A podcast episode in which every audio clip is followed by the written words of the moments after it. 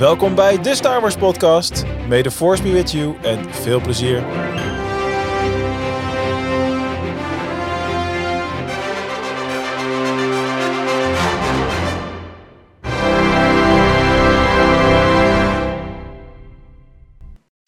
Een hele goede avond, middag, morgen, nacht, whatever, wanneer je ook luistert. Het is weer tijd voor de Star Wars podcast. En ook deze week zijn we weer verwend met een dubbele dosis, oftewel The Bad Batch en The Mandalorian. En vanavond ga ik dat bespreken met eh, Bas, met Kim en met Rob. Lekker met z'n viertjes. Bright Suns and Rising Moons, Mark. De rest had je al net, dus... eh, Hello there. Een hele goede avond.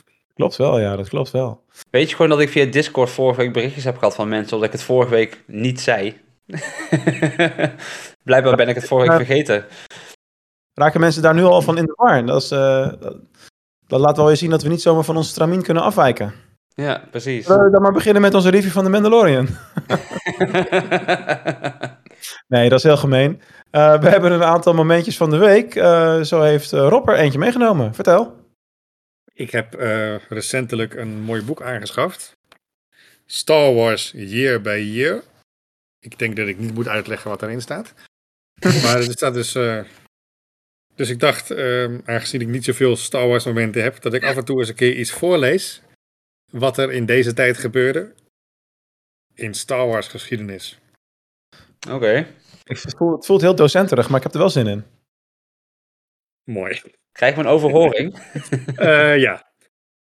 Nou, ik schrok er een beetje van, maar het is deze maand, of zelfs komende woensdag, 22 maart, is het eh, 47 jaar geleden dat de opnames begonnen van Een Nieuw Hoop. Klopt. 47 jaar, Bas. Ja, ik heb toevallig net er een Instagram post over ingepland voor van de week. Ik Eh, weet het. Toen waren we er, wij er allemaal nog niet. Nee. En de eerste, eerste wat gefilmd werd was eh, het verkopen van de droids. Dus het is een behoorlijk, eh, een behoorlijke tijd geleden ook al. 47 jaar. Ja. Dus nog, nog een paar jaar, dan is het 50 jaar geleden dat hij uitkwam. En nog steeds weten we elke week er een nieuwe aflevering over vol te lullen. Ja, Moet je eens we denken. nog een paar eh, dingen daarna gemaakt. Maar inderdaad, hier begon het allemaal mee. Ja. Nice. Dat is, eh, dat is mijn momentje van de week uit het grote boek. Het grote boek van Rob. Je moet er een jingle bij maken. Ik voel het al helemaal aankomen. Het moet van Rob. Ja, er een apart, eh, apart jingles nou worden. Dit is wel heel strak van. Kijk, wij doen natuurlijk altijd onze besprekingen gewoon live in de uitzending. Gewoon, om, ja, omdat Ja. het kan. Eh, dat, waarom ook niet. Alright, eh dankjewel Rob. eh, Ik voor heb die jingle al in mijn hoofd ook gewoon. Voor al je kennis moet je hier wezen, want Rob gaat weer een stukje lezen. Dat En gaat dat hem worden. Oh, Ik heb nee. er nu al spijt van, dit hele... Nu moet je weer elke week meedoen. Nou, dat was wel een dingetje. Anyway, eh, Bas, je had ook een momentje van de week. Ja, ik heb er twee. Het eerste is, eh, ik kwam vandaag thuis uit werk en eh, ineens eh, had Kim allemaal Star Wars boeken eh, voor me klaargelegd. Die is vanmiddag naar een, eh, een Disney beurs geweest hier in Den Haag. En, en die dacht, eh, zal ik de jongens eh, even wat dingetjes meenemen? Dus ik heb hier een, eh, een, een lightsaber collection boek. Ik heb de Star Wars boek van onze grote vriend Pablo Hidalgo. En wat een, oprecht een heel tof boek is. En ik ga het gewoon even voor de camera hangen, want het is oprecht heel tof. The Making of Revenge of the Sith. Oeh. Best wel een dik boek gevuld met een hele hoop woorden, maar ook heel veel foto's. Voor woorden. Wat eh, eigenlijk een beetje eh, de voorloper is van de, de making-of DVD, zeg maar. Maar dan eh, ja, een beetje in, in boekvorm. Dus ik denk dat ik de komende weken op het toilet genoeg te doen heb. En mijn andere momentje van de week, en dat was eigenlijk samen met Kim. gisteren was Ludo Sport in Den Haag. Dus onze goede vriend Tim, die heeft een keer zijn mensen meegenomen naar Den Haag om daar met de Hagenezen aan de slag te gaan. Nou, het mooie was, alle Hagenezen waren ziek. Eh, ook ik en Kim moesten afzeggen, helaas. Maar toen ik hoorde dat letterlijk iemand, iedereen in Den Haag ziek was, dacht ik, nou dan gaan we toch maar. Dus ik stond daar met een hoofd vol met snot en hoofdpijn en warmte en weet ik het allemaal, met een lichtzwaard om me heen te slaan. Eh, Kim heeft ook gewoon lekker meegedaan en we zijn daar toch eh, ja, een middagje met z'n allen bezig geweest. Er was ook iemand uit de Discord nog langsgekomen, dus dat was leuk. Ehm, ja, het, het, is, het, is- gewoon tof om te zien hoe, met hoeveel passie die mannen en, en vrouwen met die lichtzwaarden bezig zijn. En, en hoeveel gedachten er eigenlijk achter zit, achter de moves die ze maken. En ik, ik merkte ook, toen ik er eenmaal over na ging denken, lukte het ook allemaal niet meer. Want mijn hersenen namen mijn lichaam over op de een of andere manier. En ook als ik ging nadenken, deed ik het fout. En als ik niet aan het nadenken was, kreeg ik complimenten dat ik het goed deed. Ehm, en, en na twee keer eh, iets te hebben geoefend met Tim, uh, begon hij me aan te vallen. Moest ik alles afslaan. En uh, nou ja, hè, het tempo werd hoger en hoger en weet ik het allemaal. Maar ja, het was leuk, het was cool. Het was jammer dat ik, ja, net zoals nu, je hoort het misschien wel aan mijn stem, snot verkouden was. En ja, ik hoop dat volgende keer, als, als ze dit nog een keer doen, waarschijnlijk weer in Amsterdam, dat er gewoon wat meer mensen komen. En misschien dat we met de Discord ook wat kunnen organiseren om die kant op te gaan. Want het is gewoon echt, echt heel leuk om te doen. Dus uh, heb je zoiets van, dit, dit lijkt me leuk, hou de Discord in de gaten, hou de socials van Ludosport in de gaten. Misschien zien we je dan binnenkort in Amsterdam wel een keer. En zo is dat. Het is maar goed dat we tegenwoordig niet meer hoeven te testen op corona, want uh, al die verkoudheden om je heen overal. Huh? Zo. Bestaat het niet? Nee. Nou, ik heb me heel de week elke dag getest, want hè, ik moet natuurlijk ook nog werk en ik werk ook, er komen behoorlijk wat oudere mensen langs, dus ja, jij, doe ik het. Maar... Je hebt een vrij specifieke functie met heel veel menselijk contact, dus dat begrijp ik wel. Precies, maar ik, het is gelukkig niet uh, tante Cor. Precies, hartstikke goed. Nou, eh, bij mij was het heel rustig uh, deze week op Star Wars gebied, wel te verstaan. Ik had uh, iets wat andere prioriteiten, dus geen moment van de week bij mij. maar wel natuurlijk tijd om de quiz te spelen, daar heb ik heel veel zin in, dus let's go. Vergeet je gewoon Kim nu gewoon? Jij hebt er twee al. Ik dacht je hebt van Kim. nou, oké, okay, Kim, maar jij hebt er ook één. Dan. Kom maar op. Ludo Sport, nee. dat ik daar echt badass als een uh, soort van gehandicapte Darth Maul kon uh, losgaan met uh, lightsaber. Ik pak de beelden gewoon nog een ja. keer. Rolstoelafdeling. Ik, ik kan natuurlijk niet heel erg meedoen. Ik, echt op het filmpje zie je dat, zie je dat ik echt de hand-oogcoördinatie van een visstick heb. Dat wel, maar... Um, het, het, is, het was vrij lastig, maar uh, ik, ik, ik had het zeg maar in mijn hoofd. Ik doe gewoon mee, uh, omdat ja, ik kan niet echt die loop uh, movements doen natuurlijk. Maar ik doe gewoon mee omdat ik, het, omdat ik op Celebration wel een beetje tof over wil komen met mijn lightsaber. Niet alleen look at me, ik heb een lightsaber. Nee, ik moet ook al wat trucjes ermee doen. Um, maar mijn andere moment van de week is, ik ben weer verder gegaan met mijn, met mijn schoenen. En ik heb inmiddels... sorry?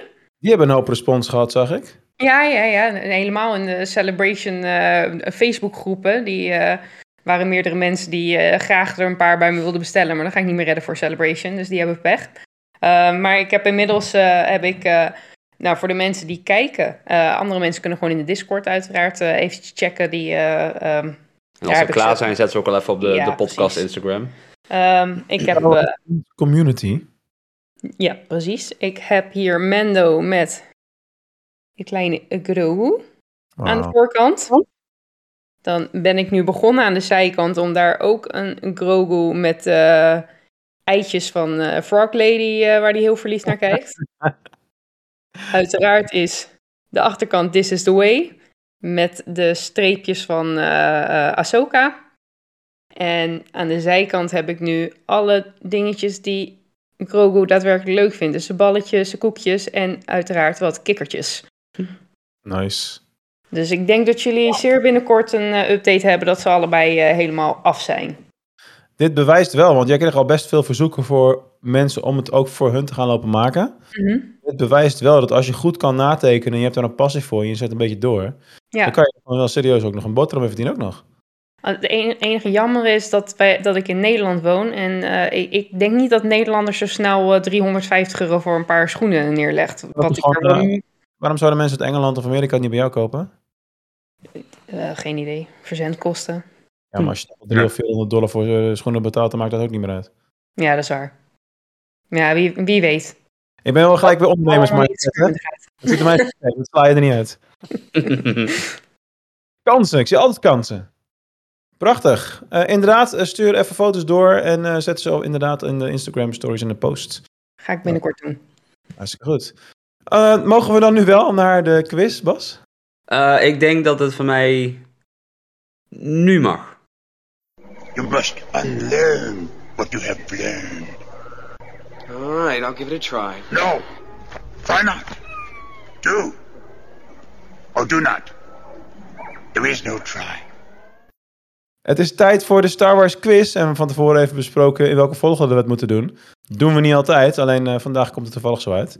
Uh, het is handig als Bas begint. Dat is waar we op uitkwamen. Ja, en de reden is dat ik een Bad Batch vraag heb. En uh, in de voorbespreking bleek dat alleen Mark en ik deze week de Bad Batch hebben gezien. Dus ik wil hem niet aan Rob gaan stellen, want ja, dat is gewoon zonde van de tijd en van, van Rob zijn kennis natuurlijk. Mark, de Bad Batch, de openingsscène. Ehm, ze zitten in een, in een soort nachtclub. Hoe heet die nachtclub en waarom is dat een geniale Easter egg? Oh, dat was iets met Indiana Jones. Dat was de schurk van Indiana Jones uit de bar. Die, uh, in die hele witte bar. Een van de Chinezen was dat. Ik heb die Screen Rant film, Screen Crush film ook gezien, maar ik weet nu niet meer hoe die jongen heet. Maar weet je ook waarom het een geniale Easter egg is dan? Ja, omdat ze exact hetzelfde gaan doen. Ze, ze gaan... Uh, uh, ze hebben dezelfde taak van het... God, gloeien, dat was het ook alweer. En een artefact halen of zo, of zoeken. Zoiets. Het was in ieder geval dezelfde actie. Je, je, zit, je zit in de buurt, maar het antwoord wat ik zoek is... In de Temple of Doom en in deze aflevering van de Bad Batch zien we dus inderdaad mensen aan tafel die een artefact aan iemand anders willen geven. Die wordt steeds over de tafel op en neer geschoven. En op het moment dat de deal uh, volbracht is, uh, wordt er een drankje aangeboden waar gif in zit. Exact zoals in de Temple of Doom gebeurde, exact zoals in de Bad Batch. De club waar het zich al in afspeelt is Club Lao Che. En dat is inderdaad die, die boze man uit Indiana Jones. Waarom het zo geniaal is, in Indiana Jones heet deze club Club Obi-Wan. Dus in Indiana Jones zit daar een Star Wars grap. En nu doen ze in Star Wars een Indiana Jones grap. Op het, letterlijk op hetzelfde moment. Dus ik vond het echt briljant. Inderdaad wel next level. Ja. En dan moet ik zeker nog gaan uh, bedelen om een half punt, of niet? Dat ik wel misschien, niet uit had. Misschien ben ik wel vrijgevig vandaag, misschien ook niet. Oké, nou, ik ben heel vrijgevig vandaag, want uh, ja, als je mij een beetje kent en je weet op welke dag we dit opnemen, mijn humor kan niet beter worden dan dat het nu wordt. Dus super vrolijk. En als je naar de achtergrond kijkt bij mij, dan, uh, ik hoef het niet eens uit te spreken, dan zie je mijn subtiele hint ook nog wel. En ik, Rob heeft hem eindelijk ontdekt. Ik ga mijn uh, vraag natuurlijk stellen aan, aan Rob. Uh, de kansberekeningen in Star Wars zijn ook altijd alom aanwezig. En daar gaat de vraag dan natuurlijk ook over. Want de kans dat, ik ga toch één keer zeggen, Feyenoord vandaag won van Ajax was ongeveer 1 op 6416. Want zoveel dagen was het geleden dat Feyenoord in competitieverband in Amsterdam won.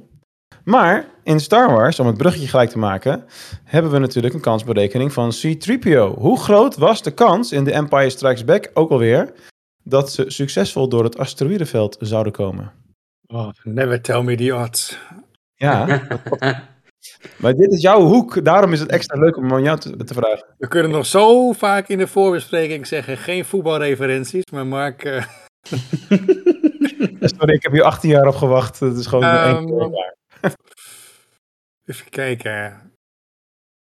Ik ben dus de originele trilogie aan het, uh, opnieuw aan het kijken, maar ik ben bij Empire en nog niet bij uh, Return of the Jedi. Dus maar dit is een Empire. Dit is een Empire. Nee, dit, je zei toch Return of the Jedi, of niet? Nee.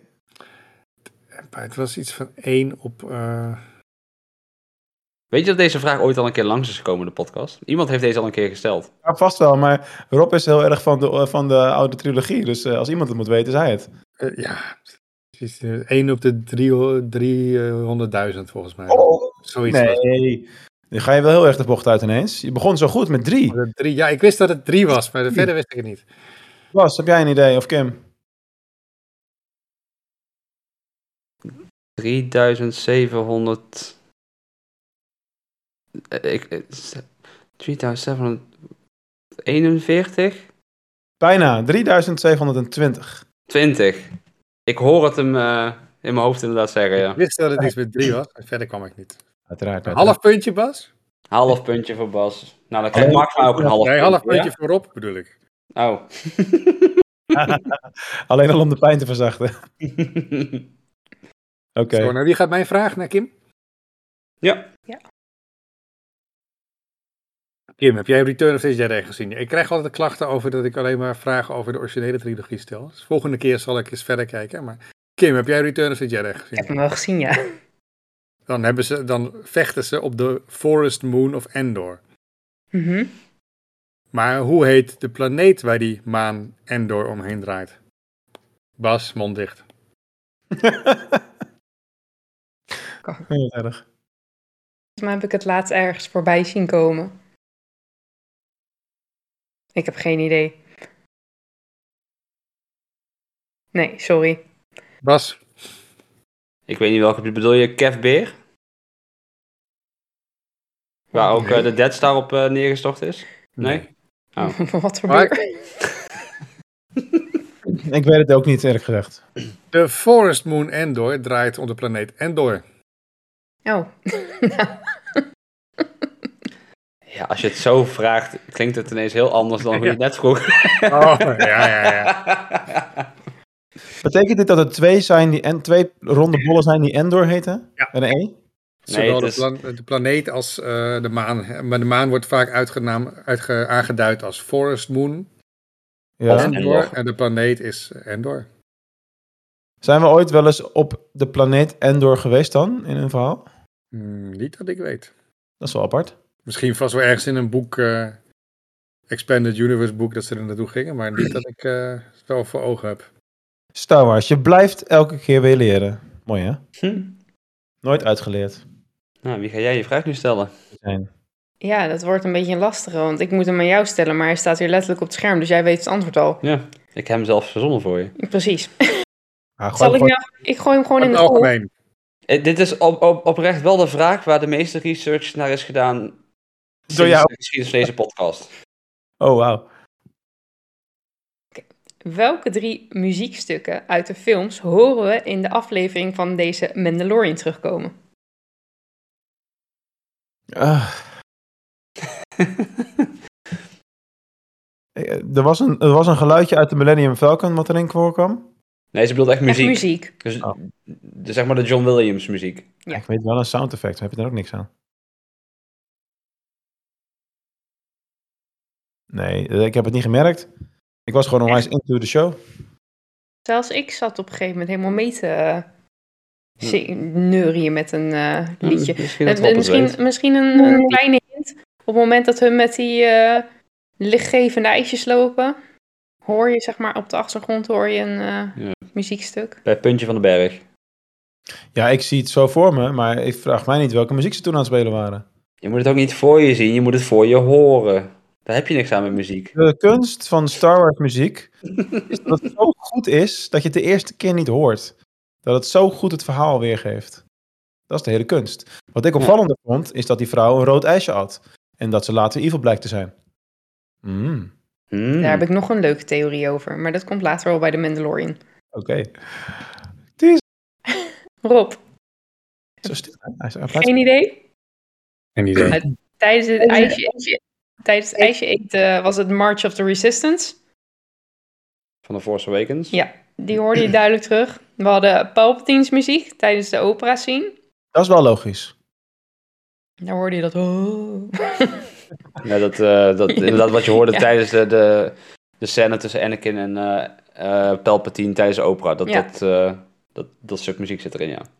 En eh, Jabba's Palace muziek eh, tijdens de Mindflayer eh, apparaat. En om, om heel echt... Ik, ik wilde deze vraag niet zomaar hier in de podcast gebruiken. Ik, dacht, ik ga onderzoeken of, het, of ik heb gehoord wat ik heb gehoord. Dus ik heb even gesproken met eh, David Collins hierover. En hij is eh, de sounddesigner van de serie. En hij heeft mij bevestigd dat inderdaad deze stukken muziek gebruikt zijn in deze aflevering. Dus Ah, ik ben letterlijk naar de bron toe gegaan om het even te valideren. Next level, man. Ja, toch? Goed bezig. Kudos. Wil je ook een half puntje nu? Nee? Nee, maar je hebt vandaag helemaal geen punt kunnen halen. Nee? Ah, maar hij stond toch mijlen ver voor? Hij houdt zelf die punten bij, dus ik ga ervan uit dat hij Ik ga er gewoon een wint. punt bijzetten. Ik heb een half puntje gehad voor je net. moeite. Ja, precies. Eigenlijk heeft gewoon niemand een punt, dus dat is makkelijk. Dat is een, eh, een, een iets minder zuivere score in de quiz als vorige week. Ik denk dat we dat wel kunnen zeggen. Ja. Daar eh, komen we helaas op uit. Eh, met eh dien verstand hebbende dat we dus dan nu door de quiz heen zijn. En kunnen doorrollen naar ons onuitputtelijke overzicht van nieuws. I have good news for you, my lord. Yes, Anakin, come closer. I have good news. That's good news. Ja, ik zeg het onuitputtelijke overzicht van nieuws, maar zoveel nieuws was er deze week eigenlijk niet eens. Eh, we beginnen eh, vanuit de Star Wars Awakens HoloNet gemist nieuws overzicht. Ik vind het altijd een tongbreker, maar ik ben blij dat het gelukt is.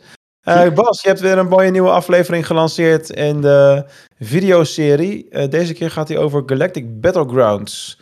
Ja, eh, wil je hem zien? Ga dan naar starwarsgames.site of naar youtube.com slash starwarsgames.site. Galactic Battlegrounds was een, een, stra- een strategische titel van de makers van Age of Empires. En als je de game ziet, dan zie je ook dat het van de makers van Age of Empires is. Want het is eigenlijk gewoon Age of Empires met een Star Wars skin. Ehm, maar daaronder zat echt een hele toffe, diepgaande game met veel facties. Je kon met de Gungans spelen, je kunt met Wookiees spelen. Je, nou ja, je kunt met zes facties spelen, zo uit mijn hoofd. Uh, flink tof verhaal wat erin zit. Zes losse verhalen, grote multiplayer campagne. Uh, ja, het is een hele goede game die grappig genoeg nog steeds heel veel gespeeld wordt op Steam. Zag ik dat ik onderzoek naar deze game deed. Um, dus heb je zoiets van, hey, Galactic Battlegrounds, die ken ik nog wel. Dat was echt een toffe game. www.starwarsgames.site. Abonneer je even en elke dinsdag en vrijdag komt er een nieuwe video. Alright.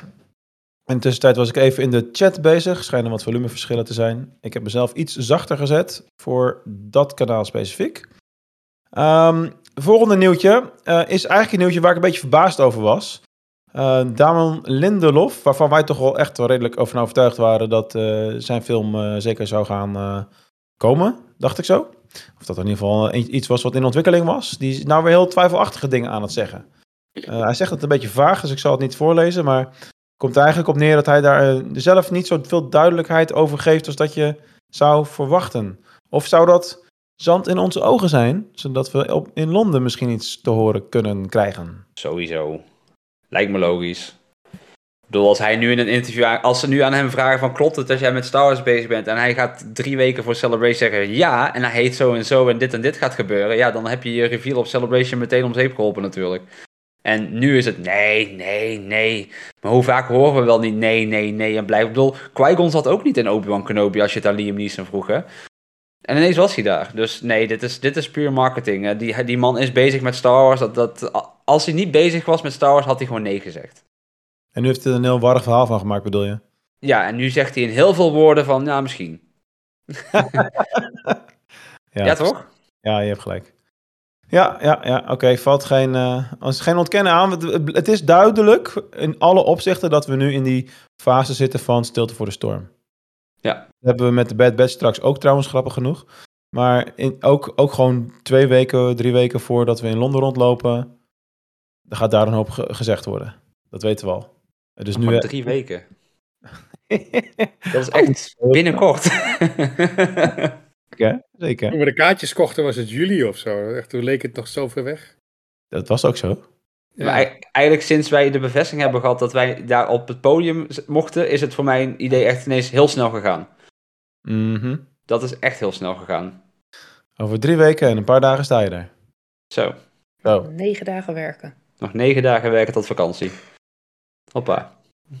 Je weet dat je, je, weet dat je nu live bent, toch?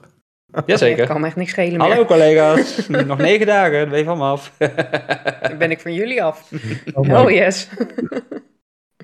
Alsof er nog niet genoeg te doen was uh, met uh, The Bad Batch en The Mandalorian, hebben we vanaf 26 april weer nieuwe avonturen te beleven op Disney+. Plus, namelijk de Star Wars Young Jedi Adventures.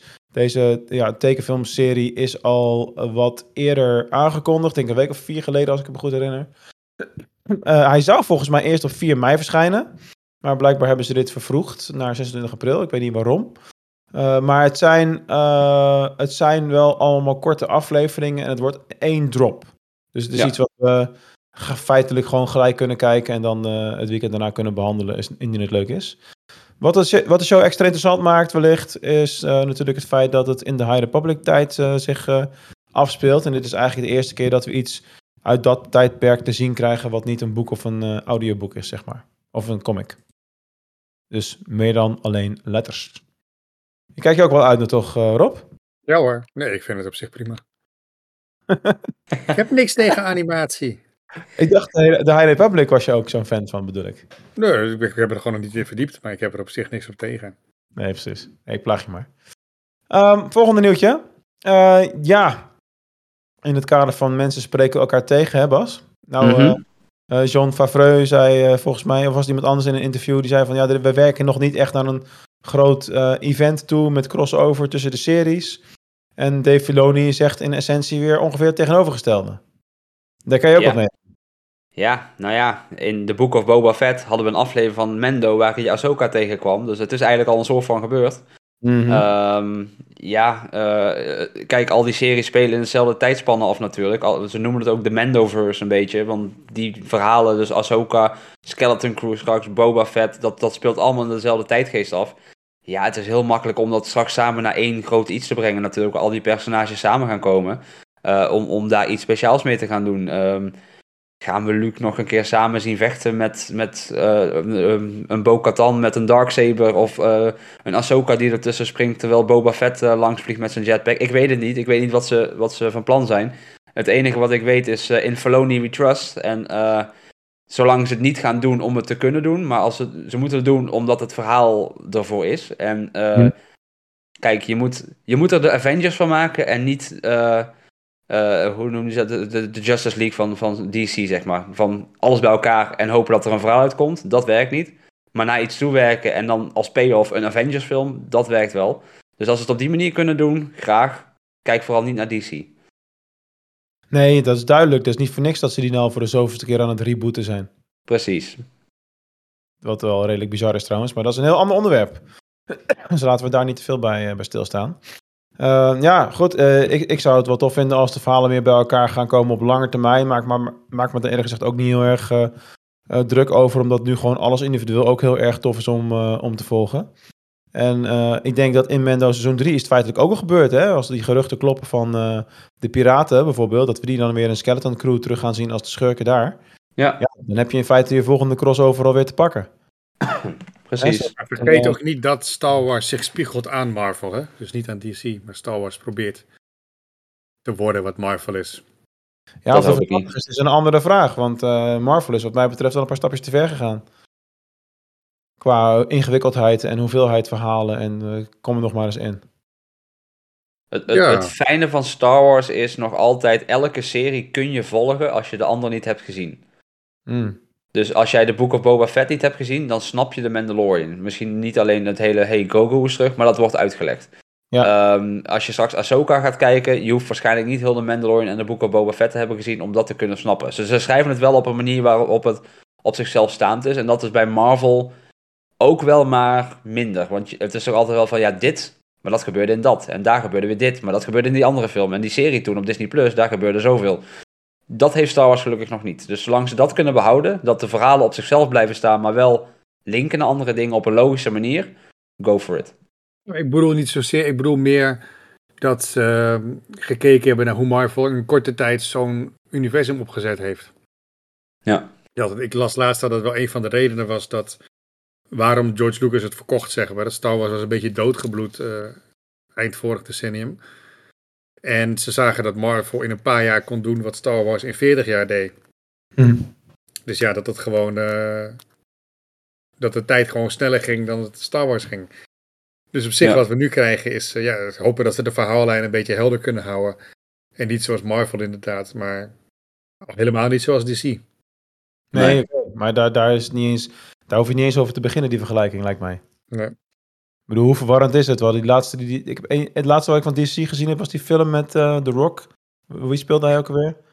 Black Adam. Black, Adam. Ja, die, en dat je dan dat einde, uh, spoiler alert, spoiler alert. Die film eindigt dan met een soort van de terugkomst van Superman. En dan een maand later wordt hij er weer uitgeknikkerd. Ja. Super verwarrend. Super verwarrend ook echt.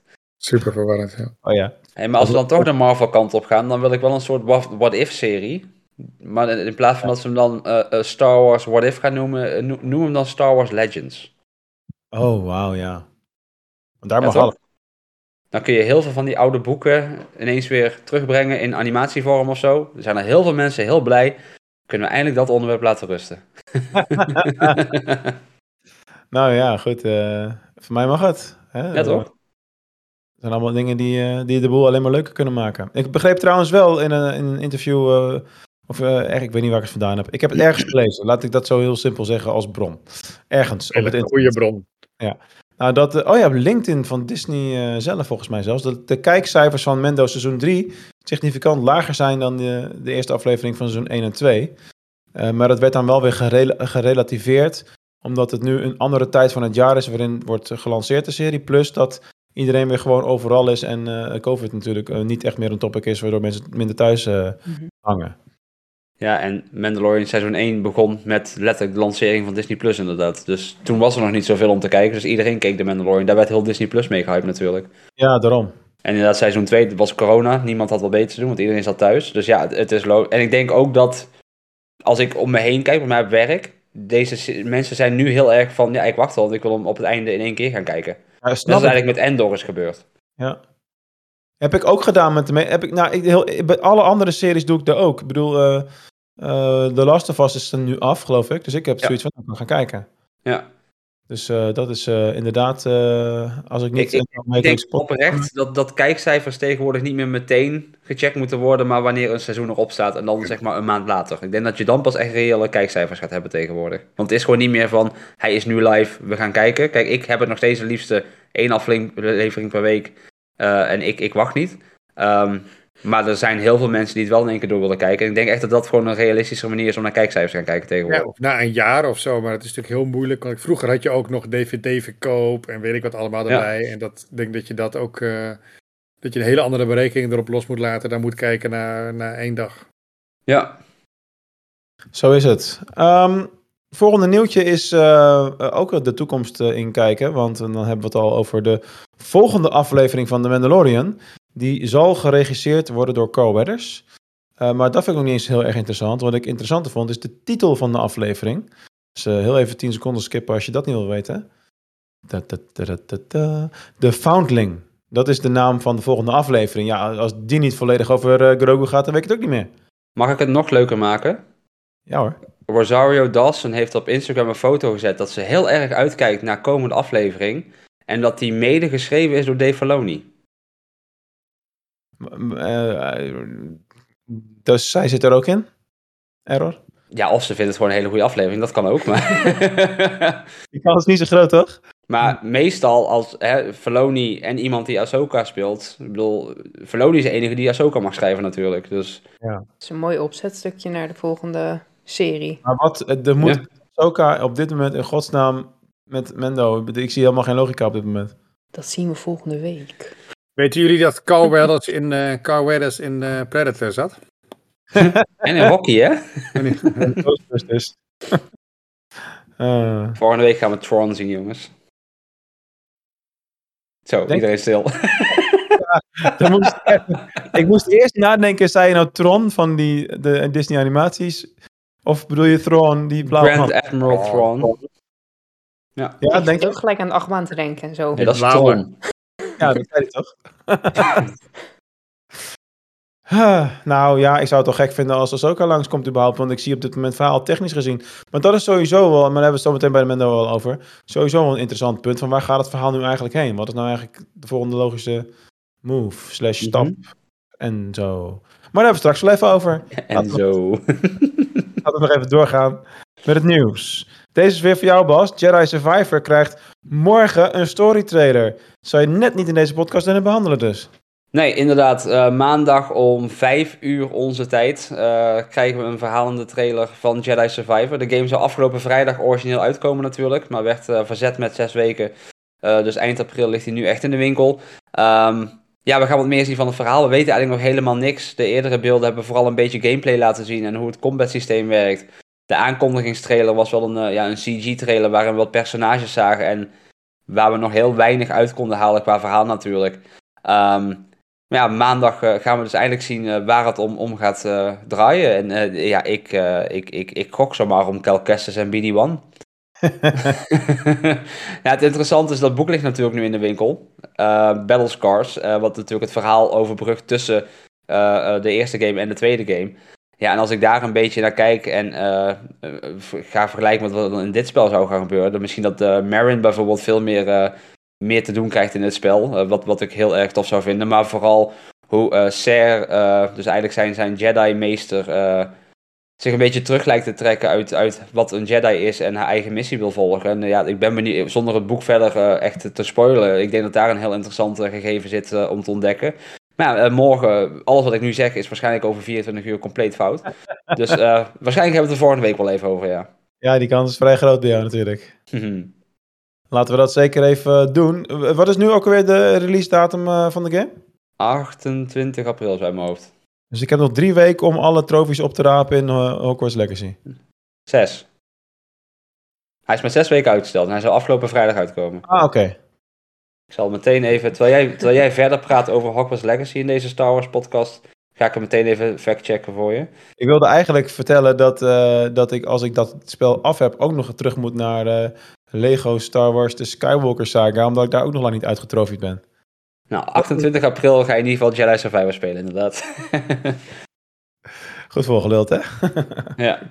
Alright, uh, dan hebben we nog een nieuwtje over een, een gast voor Echo Base CharityCon. Uh, waar wij ongetwijfeld zelf ook aanwezig zullen zijn op 27 mei in Amsterdam. Namelijk Melchi komt daar naartoe. En die voornaam die ga ik proberen. Roos Scott. Ja, Roos Scott Melchi. In Endor zat zij, denk ik. Hij. Hij.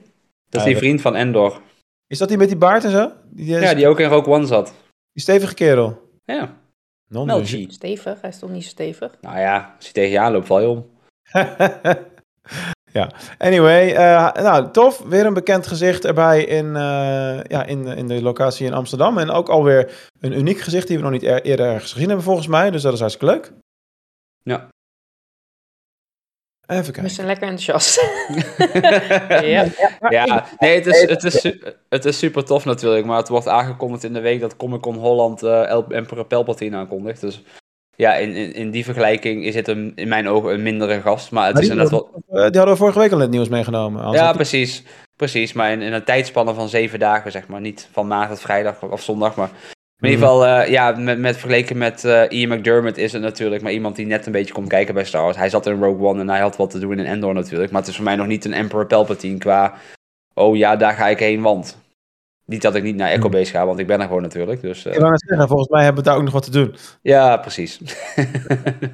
We'll be there. No wat probeer je nou eigenlijk allemaal te zeggen, Bas? eigenlijk probeer ik heel weinig te zeggen met heel veel woorden. Ja, ja gaat je goed af? Ja, je, zou, je zou de politiek in moeten gaan, je woont toch al in Den Haag. Ja, ja ik werk aan de overkant, dus... Uh... Ja, letterlijk. Oké, okay. um, dan heb ik uh, eigenlijk niks meer wat Star Wars uh, betreft op het Star Wars Awakens uh, uh, platform. Maar je hebt nog wel een bericht. Wil je nog iets kwijt over de toekomst van Willow, is eigenlijk mijn vraag. Ik geef je de ruimte in elk geval.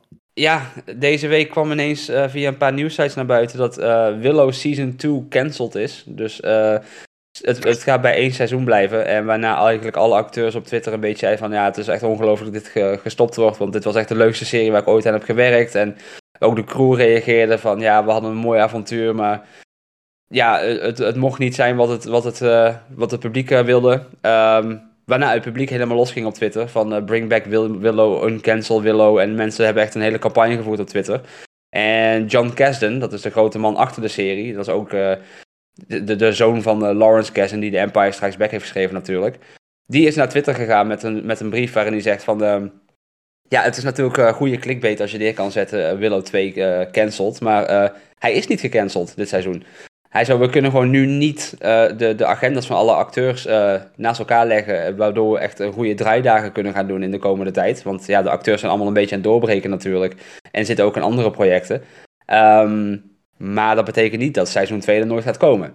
Hmm. Uh, Disney en Lucasfilm willen beide nog gewoon dat seizoen 2 gaat komen, maar het is gewoon niet dit jaar en misschien ook niet volgend jaar. Maar misschien dat ze daarna gewoon het tweede seizoen gaan maken. En dat is maar goed ook, want het einde van seizoen 1 gaf een hele duidelijke hint naar seizoen 2 en een seizoen 3. En het zou natuurlijk heel jammer zijn als we dit verhaal nu wel zijn gestart, maar niet af mogen maken.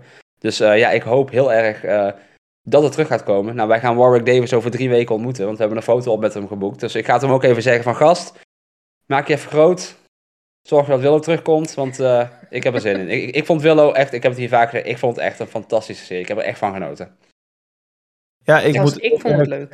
Ik heb het nog, nog niet gezien, dus ik weet het gewoon niet. Het is gewoon heerlijke, lekkere, campy, jaren 80 fantasy zonder draken en broers en zussen die met elkaar naar bed gaan en, en rode bruiloften en zo. Gewoon fantasy toen het leuk was, zeg maar.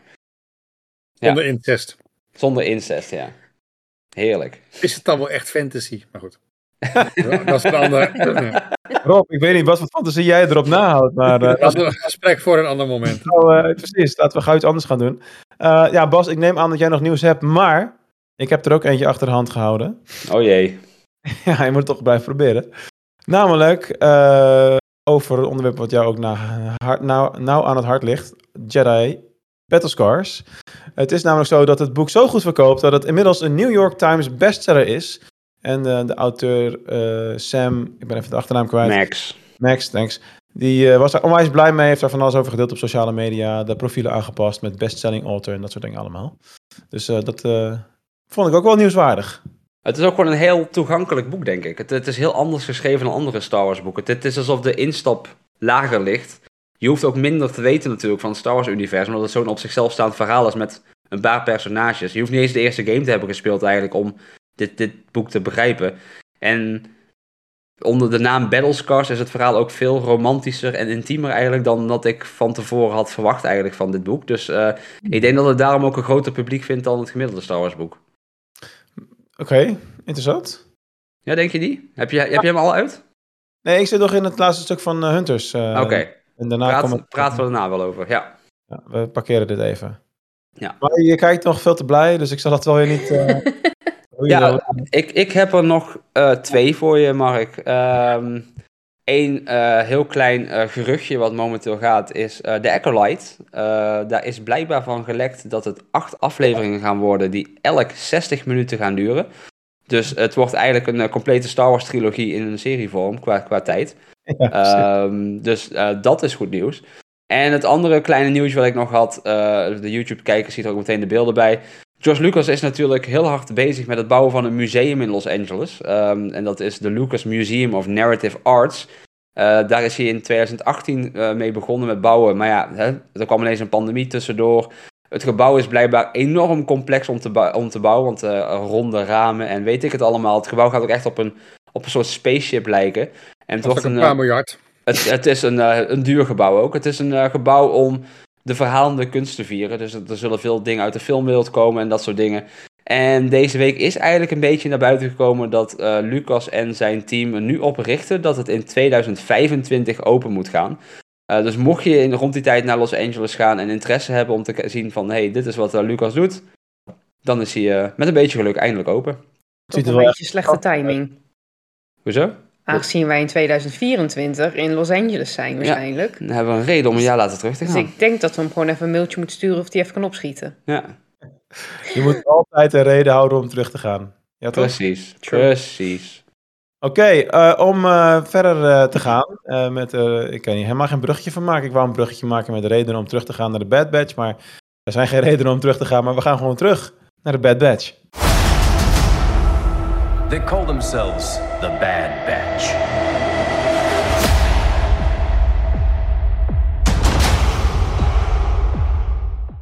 Nadat ik hersteld was van dit slechte bruggetje, ging ik toch maar over de Bad Batch uh, praten, zoals te doen uh, gebruikelijk. Uh, ja, in de aflevering van deze week hebben we een soort van los avontuur gehad, lijkt het in elk geval. een aflevering die, laten we zeggen, relatief rustig was. Omika en uh, de jongens van de Bad Batch die komen uit op een, uh, ja, het lijkt wel een soort van tropisch eiland in de Stille Oceaan. Zo komt het een beetje over. En het is natuurlijk typisch weer een stilte voor de stormachtige situatie. Uh, krijgt misschien wel voor de eerste keer de rust om wat andere dingen te ervaren en te voelen dan on the run te zijn. En een beetje een plek te hebben voor zichzelf en andere gevoelens te hebben. Uh, bijvoorbeeld bij de zee, op, op, het moment dat ze op het bootje zitten, uh, dan ervaart ze van, hé, hey, verrek, de zee kan ook zo zijn en kan ook anders zijn. En dat is eigenlijk wel leuk. Uh, maar ja, uiteindelijk uh, is er natuurlijk een enorme ramp, een natuurramp, een tsunami. Dat is ook wel interessant, wat we hebben op aarde maken we natuurlijk ook mee. en, ehm, maar uiteindelijk wel weer eindgoed al goed. Dus het is, het, het is voor het een heel licht verhaal. Alleen het voelt wel als zo van, oké, even, even relaxed, even teruggaan. Wacht maar, de Empire komt wel. Volgende week gaan we los. Dat is mijn gevoel een beetje. Wat denk jij, Bas? Ik heb het, het, de term een stilte voor de storm nog nooit zo letterlijk gezien als in deze aflevering. Aangezien het letterlijk stil was voordat het, begon te stormen en die tsunami uh, begon. Um, maar inderdaad, dit was een hele sterke aflevering qua karakterontwikkeling. En vooral bij Omega, want we zien haar eigenlijk voor het eerst kind zijn. Um, ja. Ze is natuurlijk vooral bekend als uh, ja, bijna een soldaat in de Bad Batch, maar nu was ze gewoon kind. Dat is wel wat ze dit seizoen al een beetje vaker hebben gedaan. Want ze kreeg, eh, volgens mij het was een aflevering 1 of 2, kreeg ze ook een stuk speelgoed waarvan ze niet begreep wat speelgoed was. Want wat was lol nou maar als het geen schat was of zoiets. Ja, um, en, en nu gaat ze eigenlijk gewoon voor de lol uh, de zee op. En, en ze gaat met dat meisje opstappen en, en ze krijgt er een vriendinnetje bij. Ehm, ja, en, en je ziet hier gewoon een, een, een samenleving die er alles aan heeft gedaan om veilig te leven, uh, ver weg van alles, uh, te genieten van elkaar, van de natuur. En uiteraard gaat dat fout, want ja, er moet natuurlijk wel iets gebeuren in zo'n aflevering. Maar het, het was vooral echt een, een, een laatste poging tot karakterontwikkeling. Uh, zo vond ik het heel mooi dat Tech bijvoorbeeld uh, een, een, grapje maakte op het moment dat Wrecker zich helemaal vol had gegeten. Dat, hij gaat grapjes maken. Dat, dat zie je ook niet vaak. Dus dat is ook wel een soort van. Nooit. Zijn, zijn karakter is ook aan het veranderen, zeg maar. Dus, dus uh, je ziet dat de omgeving en de karakters echt, echt wrijving met elkaar hebben. En dat ze elkaar aan het verbeteren zijn. Um, ja, het, het, het, het, deed mij heel erg denken aan, aan wat Luke Skywalker deed in, in, in uh, de laatste films. op Act 2. Gewoon een mooie planeet, heel veel water, veel groen. En gewoon teruggetrokken leven, ver weg van alles. Geen conflicten met uh, grote empires en, en dat soort uh, dingen. Maar gewoon ons grootste doel is om gewoon lekker met z'n allen de dag door te komen. En uh, vanavond een groot feestmaal te hebben. En, en met een goed gezonde nachtrust morgen weer op te staan. En het is iets wat we niet vaak zien in Star Wars eigenlijk. Gewoon mensen die gewoon een goed leven hebben. maar dat gaat niet lang meer duren. Hè? Ik bedoel, hoe letterlijk kun je de vergelijking hebben op het moment dat je ziet dat er zo wordt benadrukt van ja, en we hebben hier rustig en we hebben weinig resources. Uh, dus uh, de Empire komt hier toch niet naartoe, want het is niet interessant, la la la. Ze laten ons met rust. Nou, dat is precies letterlijk zo gebeurd uh, in episode 5 op Cloud City, toen we Lando Calrissian dat beweerde natuurlijk. En ja, je kunt er donder op zeggen dat er volgende week een aantal Imperial Star Destroyers die kant op komen. En dat ja. zit er verraden. Ja. En dat Crosshair eindelijk eens een keertje ook weer te zien is bij de rest. Gok ik. Ze ging nu natuurlijk met die, ik ben even de naam kwijt, die, uh, die piratenvrouw, hoe heet ze ook alweer? Uh, ja, ik zie er ook zo voor me. Uh, maar die neemt haar natuurlijk, of die neemt de Bad Batch mee naar het eiland. En die blijkt daar dus culturally significant artifacts te sparen. En toen dacht ik wel meteen, gewoon, wie deed dit ook? En toen kwam een blauwe man met rode ogen in me, in, me, in me op. Van, hmm. Zie je nou ook al een link met Throne in de Bad Batch? Ja, ik weet het niet, maar er werd zo vaak geheend naar uh, uh, belangrijke dingen die die cultuur uitstralen, waardoor je uh, ja, je, je, mensen leert kennen en zo. En ja, dat is natuurlijk precies zoals Tron eigenlijk bekend staat, want zo voert hij zijn gevechten natuurlijk op. we weten dat Tron natuurlijk in Rebels ja, voetzie is gegaan. en dat gaan we waarschijnlijk straks in Ahsoka weer zien. Maar dat is natuurlijk na de Bad Batch, want de Bad Batch speelt zich voor Rebels af. Oh ja. Ehm, het zou me niks verbazen als er ergens een linkje met Thrawn gemaakt gaat worden. Om hem al een beetje ja, een opzet te geven. Dat hij in, in Rebels misschien nog wat, wat beter uit de verf gaat komen dan dat hij al deed. Het kan ook zijn dat ik gewoon compleet dingen in de serie zie die er niet zijn. Want hè, Omega is er ook nog steeds geen Jedi geworden. Maar ja, ik, ik vond het wel interessant dat daar zo op gehind werd de hele tijd. Nee, ik zag hem eigenlijk helemaal niet op die manier. Uh, met uh, Thrawn uh, althans. Uh, ik dacht meer gewoon van een. Uh, het, het, is gewoon nu wachten totdat er uh, de echte actie loskomt. Opdat het niet voor niks is dat. Ik weet niet hoeveel afleveringen hebben we nu nog? Drie? Nog drie. Nou, volgende week nog één. En dan de week op krijgen we er twee achter elkaar. Het is niet voor niks dat, uh, dat er twee zijn die nog niet getoond zijn aan de pers. Daarin ja. moet wel het een en ander gebeuren wat echt significant moet zijn. Ja. Hoewel de pers over dit wat we nu gezien hebben in feite ook al gezegd moet hebben. Dit is echt essentieel Star Wars. Maar dat zou dan eigenlijk aankomen, dat moest toch moeten gebeuren, is mijn vraag. Nou, we hebben al best wel wat essentieel Star Wars gehad natuurlijk. Met dat hele klonen en die, op die mount uh, en, en, en de, de afleveringen met Crosshair. Met hoe uh, de, de clones aan de kant worden gegooid. Um, dat noem ik wel echt essentieel Star Wars. En die, die eerste dubbele aflevering op Coruscant met die senaat over hoe de clones behandeld werden en, en dat soort dingen. Dat vond ik wel echt heel essentieel Star Wars voor het, voor het grote verhaal. Dus ik vind wel dat. Kijk, niet elke aflevering is belangrijk voor dat grotere Star Wars verhaal. Um, deze aflevering was dat ook duidelijk niet. Maar ik denk wel dat we een paar hebben gehad uh, waarbij je denkt van ja, deze. Die, die zijn op de lange termijn heel belangrijk uh, gebleken. Dat klopt wel wat betreft het grote verhaal. Maar wat ik een beetje mis, en dat geldt eigenlijk bij de Mandalorian ook, is de, de duidel het duidelijke doel voor de groep. Ik bedoel, het heet de Bad Batch. We volgen die jongens en Omega, daar komt het op neer. Maar eh, eigenlijk zien we gewoon mensen die, uh, of clones die in het universum ronddwalen en ja, aan het overleven zijn en verder niet echt een groot doel dienen. En misschien zijn ze wel ergens naar onderweg, maar ik heb het gevoel dat we heel veel geteased worden op iets wat moet komen nog, maar dat het maar eeuwig duurt voordat er wat komt. Ja, ja, dat is zeker waar. Ehm, ik, ik, wat ik wel denk is, we weten nu natuurlijk, de Empire is op zoek naar de Bad Batch. Uh, de Empire is op zoek naar Omega. Uh, we weten natuurlijk wat er met Crosshair is gebeurd. En we weten nu ook uh, dat Sid echt gewoon nu heeft gezegd van... Hey, als jullie nu niet bij mij melden, dan zou er zomaar wat informatie gelekt kunnen worden naar de foute partijen natuurlijk. Dus ze kunnen eigenlijk geen kant meer op nu. Dus ze moeten nu wel in actie gaan komen, want ja, eigenlijk iedereen zoekt hun nu. En de enige die ze een soort van konden vertrouwen, die kunnen ze ook niet meer vertrouwen. Um, dan hebben ze nu die, die piratenvrouw, die, maar ja, piraten staan natuurlijk ook niet onbekend dat ze altijd de meest vertrouwbare mensen zijn. Uh, ik wil, kijk maar eens naar hoe vaak Jack Sparrow mensen heeft uh, om de tuin geleid in de gemiddelde Pirates of the Caribbean film. Uh, ja. Ik wilde gewoon Hondo Onaka als voorbeeld gebruiken om het in universe te houden. Ja, dat kan ook natuurlijk, dat kan ook. Ja, ik, ik weet het niet. Um, ik, ik, ik hoop dat we echt een hele sterke finale gaan krijgen van deze serie. Van deze afleveringen dit, dit seizoen dan. Um, ja, ik, ik, ik weet het kan letterlijk alle kanten op. Maar ik hoop wel dat we echt uh, vol de actie ingaan. Ik het anders omschrijven. Mijn gevoel bij zowel Mandalorian, hoewel het onwijs gaaf is. Ik geniet van elke aflevering. En ik vind het hele toffe eh, ding om te zien en verhalen hartstikke goed. Maar ik, ik mis een beetje dat uh, de, de noodzaak situatie, weet je wel. De, uh, Oké, okay, uh, net zoals in de, de, oorspronkelijke film. Weet je wel, oh, de, de Death Star bestaat en we moeten daar iets aan doen, want anders gaat iedereen naar de kloten. Ja. Dat gevoel mist een beetje in, in deze Star Wars dingen. Ja. Te relaxed allemaal. Ja, en daarom was dit de stilte voor de storm. Ik hoop dat we worden beloond in de komende week. Maar denk je dat het volgende week al losgaat? Of dat, dat echt het, het grote dingetje nu bewaard wordt voor de laatste twee afleveringen? Omdat ze natuurlijk die niet aan de pers hebben laten zien. Dat laatste, maar ik denk wel dat, dat we nu een, uh, een opzet krijgen zodat die finale überhaupt kan plaatsvinden. Ja. We moeten nu een aanleiding krijgen om van die planeet weg te vluchten. En dan zullen ze wel ergens uitkomen waar het gaat gebeuren. Ik hoop dat volgende week Crosshair zich weer aansluit bij de Bad Batch. En dat in de finale echt uh, een flinke... Uh, hoe noem je dat in Nederlands, een schermutseling gaat komen nou, tussen... elkaar dan, want ik heb dat ook voorspeld, dat Crosshair zich uiteindelijk wel weer aan zal sluiten daar. Alleen al omdat er gewoon letterlijk ruimte in het team is nu dat Echo weg is.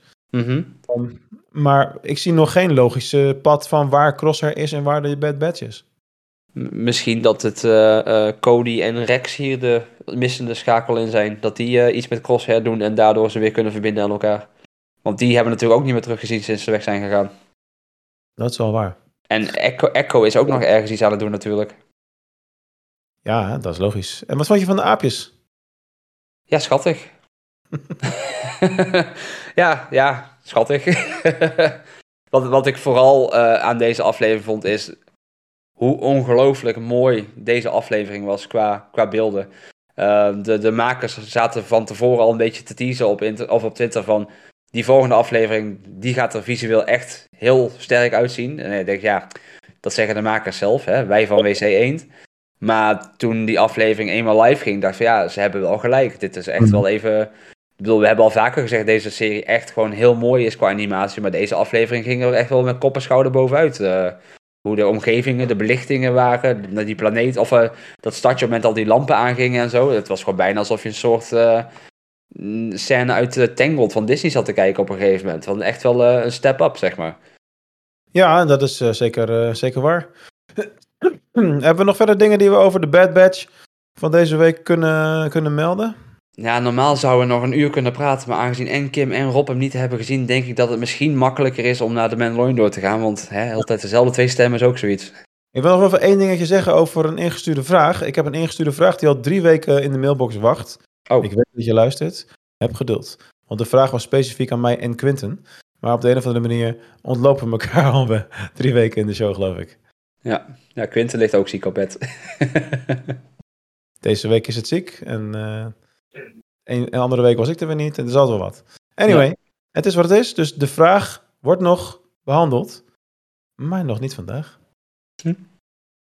Tijd voor het grote toetje van vandaag. Mandalorian. Din Djarin.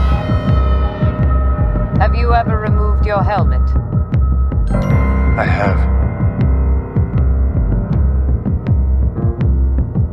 You are a Mandalorian no more. This is the way. Terwijl we achter de schermen toch nog een voetbalreferentie kregen, ga ik gewoon door met de Mandalorian. Want we hebben het hier natuurlijk alleen over Star Wars. Um, ja, Rob, dit heb jij wel gezien. Ik zou het, jou het podium willen geven om als eerste jouw licht te laten schijnen over de aflevering van afgelopen woensdag. Natuurlijk een hele bijzondere aflevering. Met eerst uh, een stukje Mendo wat verder ging naar aflevering 2. En daarna uh, gaan we naar Coruscant. Wat natuurlijk heel gaaf was. Ik vond het gaaf vooral dat ze daar rondliepen en een nou ja, soort van ijsje aten. Dat je een beetje het, dagelijks leven ziet. Gewoon hoe de mensen daar zich ophouden.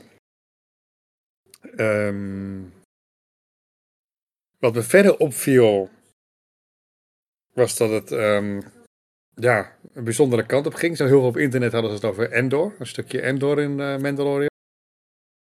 Ja, dat gevoel had ik ook wel, ja. Ja. ja. Nee, het, het, het, liet echt weer zien en eigenlijk een kant. Uh, je hebt natuurlijk de actiekant van Star Wars. En je hebt ook echt de, de politieke bureaucratiekant, die natuurlijk met uh, de Phantom Menace een beetje geïntroduceerd is. En daar valt dit onder natuurlijk. Het is echt een, een wat weinig actie, wat langer uh, verhaal, meer politiek. Meer politieke kanten die, die belicht worden meer de situatie op de achtergrond. Dus ik ben benieuwd waar het heen gaat. En wat mij dan weer opviel, is dat die TIE, TIE Interceptors die je zag, dat die volgens mij stop-motion waren en niet animatie. Oh, ja? oh, dat is mij niet opgevallen. Stop-motion? Of in ieder geval... Uh... Modellen. Hoe noem je dat? Modellen, ja. Modellen. Ik wou zeggen, stop-motion is uh, fotootje, bewegen, ja, nee, fotootje. Nee, het zag er wel echt haperig uit. Het leek er wel een beetje van... Uh... Het was volgens mij geen. Het, vond het er wel echt uitzien als oud Star Wars, zeg maar. Maar dat is misschien wel bewust vanwege de tijdsgeest. Ja, ja dat zou best kunnen. Ik vond het ook wel mooi dat, uh, dat Mendo landt op dat uh, platform en dat het geen perfecte landing was. Want je zou natuurlijk verwachten dat hij keurig op twee beentjes landt en uh, meteen opstaat. Nee, hij glijdt weg en het vond ik wel mooi en realistisch. En um, hebben jullie de referentie uiteraard allemaal gezien? It's a Trap. Hm. Ja. Uiteraard. Uiteraard. Uiteraard. Toen ik het zag, dacht ik van, hé, uh, hey, wat grappig. Toen dacht ik van, ah, dat zal wel, dat zal wel toeval zijn. En toen zag ik het op internet heel veel voorbij komen. Dat... Hij zei het net anders. Hij zei, it was a trap. Ja, it ja. was a trap, zoiets. Ik, ik, lag helemaal, ik lag helemaal krom, man. Ja. Maar hij keek nog net niet zo de camera in van, uh, haha. Aha. Maar wat ik opgezocht heb, is het lijkt dan op Endor. Alleen toen, deze, toen dit seizoen geschreven werd, was Endor nog helemaal niet uitgezonden. 2020 geschreven. En toen was Endor, dus toen heeft John Favreau heeft dus helemaal nog niet kunnen zien wat de sfeer en de moed van Endor was. Ja, ja dat is wel waar, ja. Hele dus... scherpe uh, analyse die je daar doet. Ja. Dus het is dus... eigenlijk meer gestoeld op de prequels en de politieke intrige die we daaruit hebben. Nou ja, ervan uitgaande dat John Favreau natuurlijk voor Lucasfilm werkt. En dat hij heus wel een, kijkje, een kijkje krijgt in wat er allemaal aan het brouwen is in de keuken. Zal hij heus wel wat stukken gezien hebben. Maar die hele sfeer die wij natuurlijk al die, of al die afleveringen achter elkaar van Endor gehad hebben, die heeft hij niet gehad. Ja. Niet in de manier waarop wij het gehad hebben. En de reacties en zo in de feedback heeft hij natuurlijk niet terug kunnen hebben. Dus toen dit, toen dit geschreven werd, was, was Endor nog in de ontwikkelingsfase. Mm Ja. Ja, als je het zo zegt, ja. Ik, ik denk dat we het gewoon Endor noemen, omdat het gewoon heel kleinschalig, heel persoonlijk werd, maar wel heel goed geschreven was ineens. En, ja. en in, in dat stukje met, uh, met Pershing was gewoon geen opvulling. Gewoon alles deed er toe of zo. Uh, ja, in die zin leek het me, vond ik het ook weer heel erg gelijk op de Phantom Menace. Dat het gewoon... Meer de Revenge of the Sith, toch? Ja, ja maar in ieder geval de prequels dan. Dat er gewoon weinig... Uh, ja, heel veel politiek was, heel veel achtergrond. Dat er veel meer opgevuld werd van, van oké, okay, we hebben een situatie en dan gaan we, dat is natuurlijk, de hele prequels zijn, daarom vind ik ook dat je, maar dat is een hele andere discussie, eerst de originele trilogie moet kijken en dan de prequels, omdat de prequels dingen invullen van de originele trilogie. En dat is natuurlijk hier ook zo. We hebben een situatie en nou moeten ze gaan uitleggen hoe de situatie ontstaan is. Dus vandaar dit stukje politiek. Dus ik ben heel benieuwd waar dit naartoe gaat. Ik denk dat het vooral heel Endor achterover kwam, omdat het weer echt dat dagelijkse saaie leven terugkwam. Van ik ga ja. naar werk, ik moet, daarna moet ik weer gaan eten en dan zit ik weer op mijn kamertje en uh, ik hoop dat er wat beters in mijn leven komt. Het is hetzelfde als we bij Endor zagen dat hij in die, uh, of uh, hoe heette die, Die Cyril bedoel je? Ja, Cyril. Cyril, onthoud ik hem. Die kreeg je van zijn moeder. Ja, precies. Uh, hoe hij daar zat uh, en een beetje ja, enigszins uitzichtloos. Zo kwam het voor mij ook over dat um, dokter Pershing, Pershing uh, daar ook zat van ik, ik wil beter, ik wil iets grootsers in mijn leven, alleen ik word eigenlijk tegengehouden.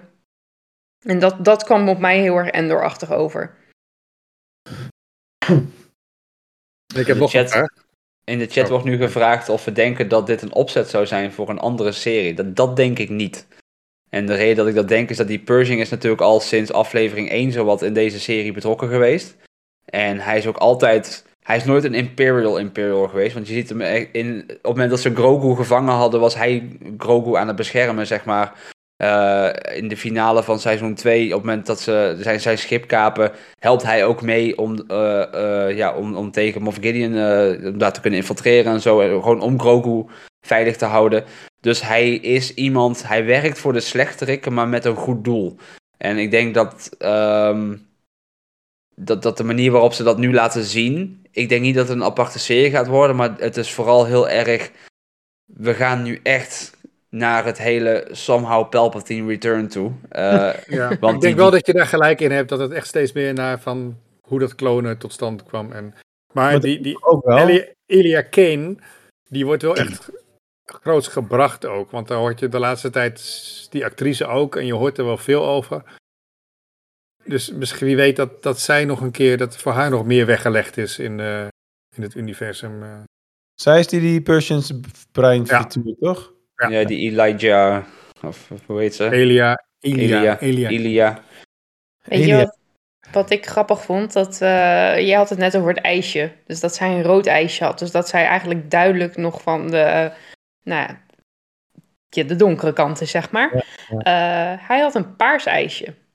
En als je blauw en rood mix, krijg je paars. Oftewel, uh -huh. hij weet nog niet helemaal welke kant hij op gaat. Of hij aan de goede kant hoort of dat hij aan de Hmm. mm. slechte kant hoort. Hmm. Ja. Goeie theorie. Ja. De, maar hoe zit dat met Windu dan? Met zijn paarse lichtzwart? Dat is meer roze, vind ik. Ja, dat is paars. maar ze was wel lekker gemeen, dat vond ik wel leuk. Dat ze... Eigenlijk is zij echt mega evil, want ja. ik, ik geloofde haar. Maar dat vond ik zo frustrerend, want ik geloofde haar de, de hele aflevering in feite gewoon. Ja, ja, maar dat vond ik ook. Ik dacht ook gewoon dat ze echt. Dat maakt, uh... dat maakt de herhaalkijkfactor wel laag voor mij. Want nu weet je gewoon, als je nog kijkt, van ja, je gaat het allemaal kijken en aan het eind van de rit wordt zijn brein gefrituurd. Nee, maar het is zo mooi dat je nu dingen gaat zien natuurlijk. Waarschijnlijk dat je veel meer door hebt van, oh, ja, zo zit dat, zo zit dat. Dat denk ik wel. Mm. Maar wat ik me nog afvroeg is, waar komen die TIE-interceptors en bombers vandaan? Op het einde vooral, want dat zijn een heleboel. Dat zijn dan toch, Bas? ja, dat moet Tron zijn, sowieso. Ja, maar ik bedoel, de Empire bestaat niet meer. En op internet las ik een aantal theorieën dat er misschien nog een warlord is hier en daar die een paar heeft. Maar dit was wel een heel groot squadron wat er nog rondvloog. De baas van Gideon was dit. Ja. Denk ik. Maar ja, ja het, het, zou best logisch zijn als het wel Tron is, even zonder gekheid. Want ik zou niet, niet op zo 1, 2, 3 een andere logische optie weten. De, de, ze, ze, ze laten het heel erg in het midden natuurlijk.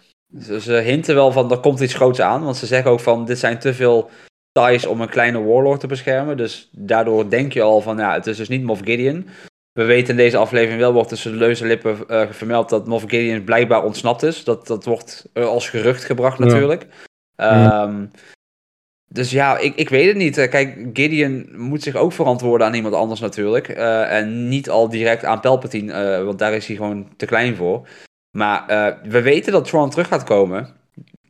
Ik zeg niet dat dit Tron gaat zijn, maar het zou me ook niet verbazen als er een link naar Tron gelegd gaat worden nu.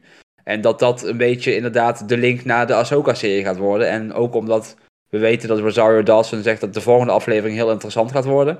Uh, ja, zij, zij speelt Ahsoka. Zij gaat waarschijnlijk een hele serie op zoek naar Tron. Dus, ja, Tron ja, is natuurlijk canon. Een van de weinige uh, grote EU-mensen die canon is. Ja. Het zou, ja, die, die moet gewoon uh, Zeker met de boekenserie die uitgekomen is een paar jaar geleden in het Disney-tijdperk. Opnieuw uitgekomen is, is het zonde om hem uh, niet te gebruiken. In die nieuwe boeken van Tron, hebben jullie die toevallig gelezen? Nee, ik sta wel op de lijst. Nou zit ik me even heel erg af te vragen. Ik heb, ze, ik heb ze gelezen, maar dat is al even geleden. Had hij daar niet iemand die op zijn bridge werkte, die die elke keer op, als speciale missie wegstuurde? Was dat niet die vrouw dan? Ja, dat zou dus kunnen. Ja, maar nu, nu, ik weet nu even niet meer of wat ik nu denk of het klopt hoor. Want ik, zei, ik heb het, dat is lang geleden dat ik ze gelezen heb alweer. Maar heb die dat zijn theorie wel die... zien komen. Dat wel. Sorry? Ik heb die theorie wel voorbij zien komen. Oké, Dus het is niet heel gek gedacht. oké. Hmm. hey, maar even terug naar de aflevering, jongens. Even, we gaan kriskras eh er doorheen, maar hoe vet was dat begin trouwens? Ja. Een hele eh, fight met eh, Mendo die naar zijn eigen schip gaat en nog eventjes eh, overal piu piu. Ik, had, ik zat in mijn- bioscoop thuis eh, situatie, zeg maar. Ik zat wel echt zo van, oh ja, lekker, dit is mijn Star Wars, hier heb ik zin in, hier word ik heel blij van. En toen kwam het hele Coruscant stuk. Prachtig, visueel. Ik werd er heel blij van. Allemaal dingen die we herkennen uit mijn favoriete film, Revenge of the Sith. Met het eh, operahuis en eh, de gang was allemaal hetzelfde als, als vroeger. Maar ja, op een gegeven moment duurde dat stuk zo lang dat ik door begon te krijgen. "Oh, we gaan niet terug naar Mendo, hè? Of als dan heel erg op het laatst pas. Dat is niet de bedoeling. Ik wil niet, ik wil niet zo ver ervan afgaan. Moet dit nou echt de langste aflevering zijn? De aflevering met de minste actie? Damn, dit is teleurstellend. En toen kreeg ik die Endor-vibes. Want Endor is gewoon echt niet mijn Star Wars. Ik ben heel erg van het Mendo en Book of Boba Fett-achtige Star Wars. Dat weet iedereen onderhand wel. Niet dat ik de andere slecht vind, maar bij Mendo wil ik gewoon niet zo'n... Maar je hebt maar acht afleveringen. Dan wil ik toch niet een hele aflevering met freaking Pershing spenden? Even serieus. Oh, er was een stuk bij eh Boba Fett. Ik weet eindelijk echt- een ik serie weet er over niet Boba Fett na 30 jaar en dan heb je een hele aflevering met Mendo. Maar goed, ja, dit is blijkbaar wat de nieuwe Star Wars setup. Alles bij elkaar en eh, op zich ook wel mm, hetzelfde tijdperk, hetzelfde, dus ja, het kan, maar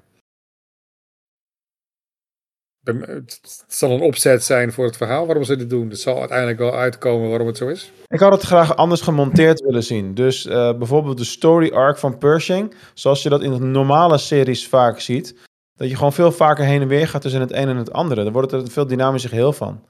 Je kan toch gewoon, net als in een soapserie, twee storylines door elkaar tonen de hele tijd. En dan smeer je het uit over twee afleveringen desnoods. Waarom moet Ja, het allemaal... ja, maar je zegt, net, je zegt net zelf, je hebt maar acht afleveringen. Dus als je dan al twee eh, hier aan kwijt speelt. Ja, maar je had toch de content van de volgende aflevering, waar Mendo ongetwijfeld veel in voorkomt, had je toch al deels kunnen gebruiken in deze aflevering? Ja, weet ik niet. Ik, ik, ik, ik, ik deel deze mening niet met je als ik eerlijk ben. Want ik, ik vond dit echt een ongelooflijk goede aflevering.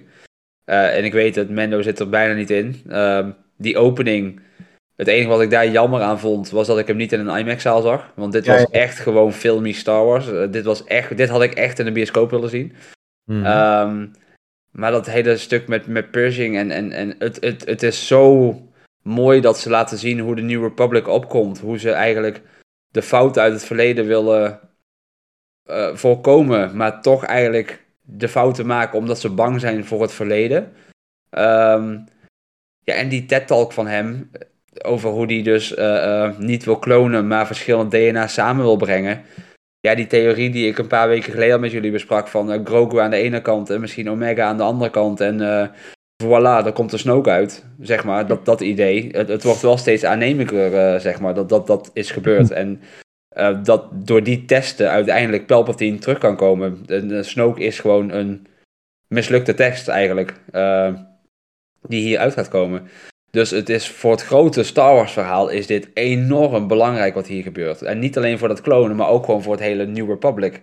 Want je ziet gewoon, ze zijn zo bang voor de Empire dat ze de dingen van de Empire gebruiken om de misdaad tegen te gaan. En dan niet in een zo'n harde vorm, want die mindflayeren zeg maar op het einde. Ze zeggen dat het op een rustig standje staat, maar het is wel iets wat de Empire gebruikt. Het is, het is gewoon martelen eigenlijk van, van degene die in de stoel ligt. Ik begreep Het, ook niet dat überhaupt deed, eerlijk gezegd hoor. Ja, ik ook niet. Eh, het deed me denken aan die scène uit Endor waar die meid wordt eh, gemarteld eh, met dat geluid in haar hoofd. Eh, dit is natuurlijk wel een heel ander ding. Ja, die Mon Calamari zegt dat het, eh, dat het een beetje een fijn gevoel gaf. Want het- hij zei Ja. dat hij het zelf ook had gedaan natuurlijk. Tot, eh, tot zij natuurlijk op standje torture zette en eh, het blauwe lampje rood werd. Ja, dat zij ook al alleen wordt gelaten is natuurlijk ook wel weer interessant natuurlijk. Ja. Ja, nee, ik, ik, ik zeg altijd, het is een hele interessante aflevering. Want dit is dus de Republic waar Luke en Leia en Han Solo voor gevochten hebben. Dat, dit, dit gebeurt na Return of the Jedi. En je ziet hier ook dat ze dus, want er wordt ook gezegd dat hun schepen dus ontmanteld worden. En je ziet dus ook dat ze door deze fouten, die hun niet uh, zien als fouten, maar door deze fouten wordt eigenlijk de deur wagenwijd opengezet voor de First Order om uh, op te komen. En je zag uh, het logo van de rebellen in de stad op de gebouwen? Ja. Ja, het New Republic logo inderdaad, ja. Dus ja, het, het, het, het is heel. Het, het, is, het is misschien niet een, een Mandalorian Mandalorian aflevering, maar als, als Star Wars vond ik dit echt fantastisch. Want dit was echt. Dit was echt essentieel Star Wars, als je het mij vraagt. Ja, ik, ik vond het een beetje saai. Laat ik het dan heel simpel zeggen. in een fase dat ik gewoon meer zin heb in van die uh, lekkere knalactie entertainment. Dat kan ook gewoon zijn dat ik dit over een jaar veel meer waardeer als nu. Jouw Dat je wat ouder bent. wat ouder bent. Maar denken jullie, denken jullie met die mindflayer op het einde dat, dat zij um, Pershing uit wil schakelen? Omdat hij te veel weet? Of dat ze hem juist een soort van herprogrammeert, dat hij weer voor hun komt? Herprogrammeert, want daarmee gaat ze dus uh, Grogu en uh, de, de deeltjes die ze van Grogu hebben en dan waarschijnlijk van Palpatine, dat ze, ze hebben hem nodig om ja. Uh, ik hoop of iets te maken. Ik hoop herprogrammeren om de doodvoudige reden dat het anders wel een hele beroerde aflevering is om zoveel ja. tijd te spenden en dan zou je zijn brein zo frituren dat hij doodgaat bij wijze van spreken. Ja, dan is het helemaal voor niks geweest. Dan had het het op een andere manier dood kunnen maken. Ja, maar al... Waarschijnlijk staat gewoon It's a small world after all gewoon op repeat voor drie uur. Ja, wat, waar, waar, ik aan moest denken is, twee of drie weken geleden in de Bad Batch werd tegen die, uh, tegen die van Camino gezegd. Of die zei toen, ik weet niet meer of het nou Lama C of Nala C was, maar ik weet niet meer wie het zei. Van het is toch vervelend om alle technologie in handen te hebben, maar niet de kennis te hebben om die clones te maken. Ja, ja, ja. En hij heeft natuurlijk wel die kennis aan boord. En uh, ja, die wil je dan voor jezelf hebben. Kijk, Palpatine is een achtergrond, die is natuurlijk net uh, een schacht ingevallen een paar jaar geleden, maar hè, zijn ziel heeft het overleefd.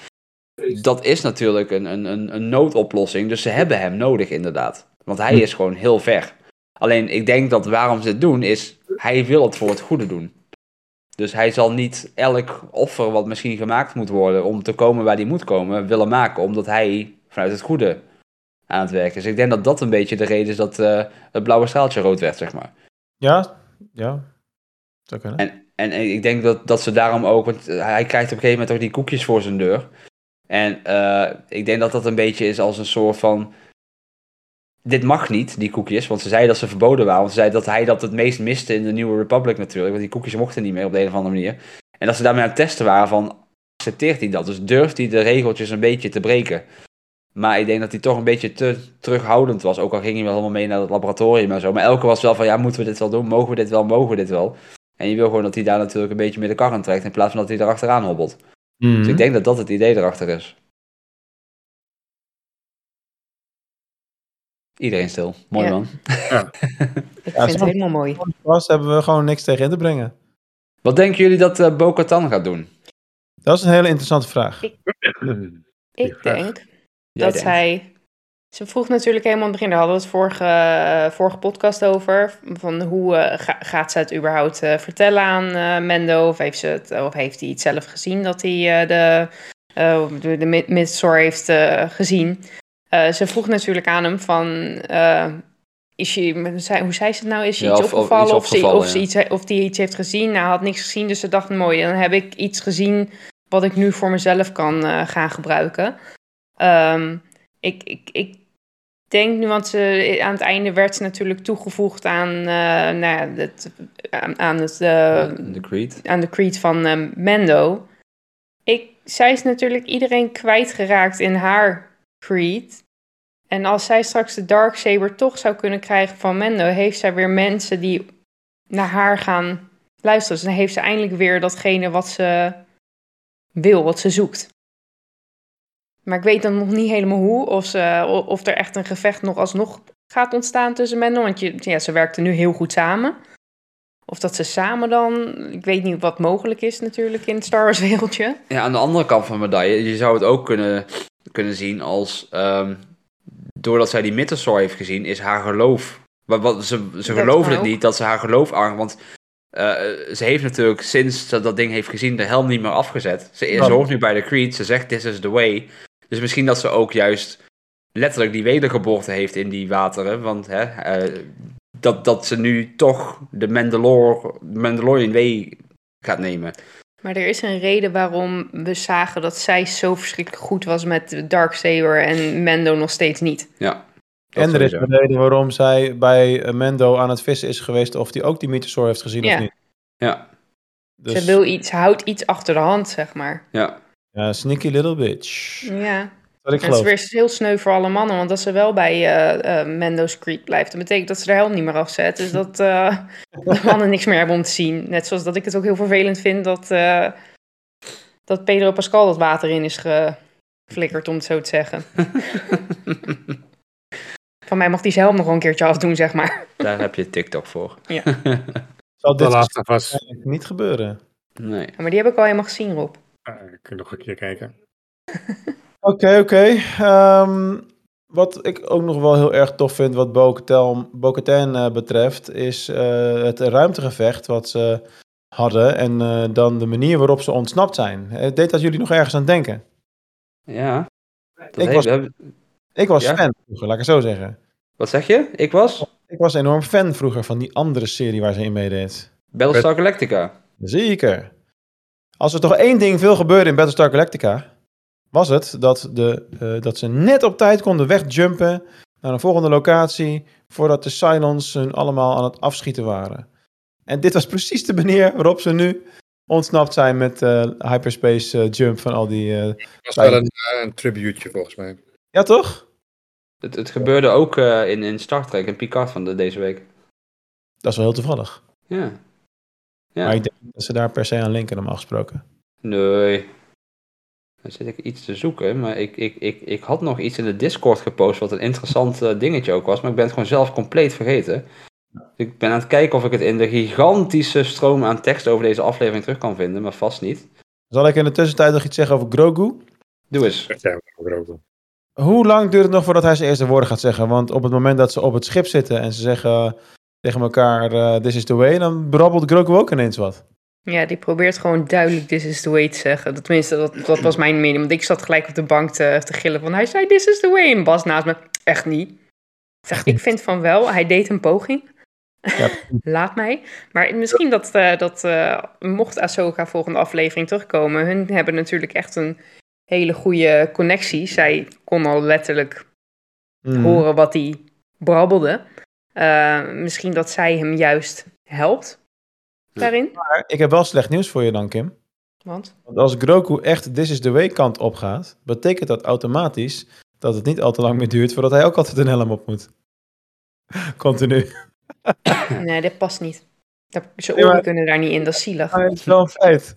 Stel dat hij Mendo zou moeten worden, een Mandalorian zou moeten worden, full force. Dan stop ja. ik met kijken.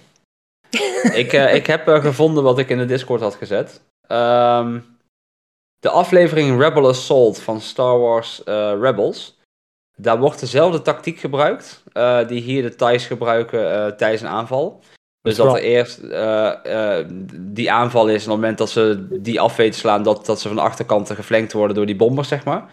En de Grand Master, of Grand Admiral Tron was degene die die aanval en die tactiek verzon in die aflevering.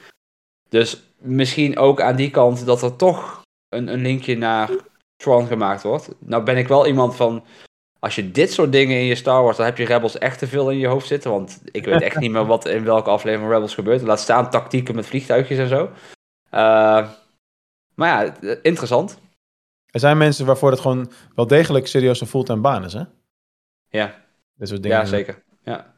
Wat ik nog wel leuk vond als, als gamer uh, van ons allemaal, uh, je krijgt natuurlijk op de, bij de aftiteling altijd van die concept art te zien van de aflevering. Ja, en er, er was één aflevering, of één stuk concept art waar die Elijah, Elia, weet ik hoe, hoe we dat noemen, uh, was vervangen door Juno Eclipse. En Juno Eclipse is zeg maar de vrouwelijke hoofdrolspeler uit The Force Unleashed. Ja, dus die staat er zoals ze in The Force Unleashed 2 staat, uh, staat ze in die concept art.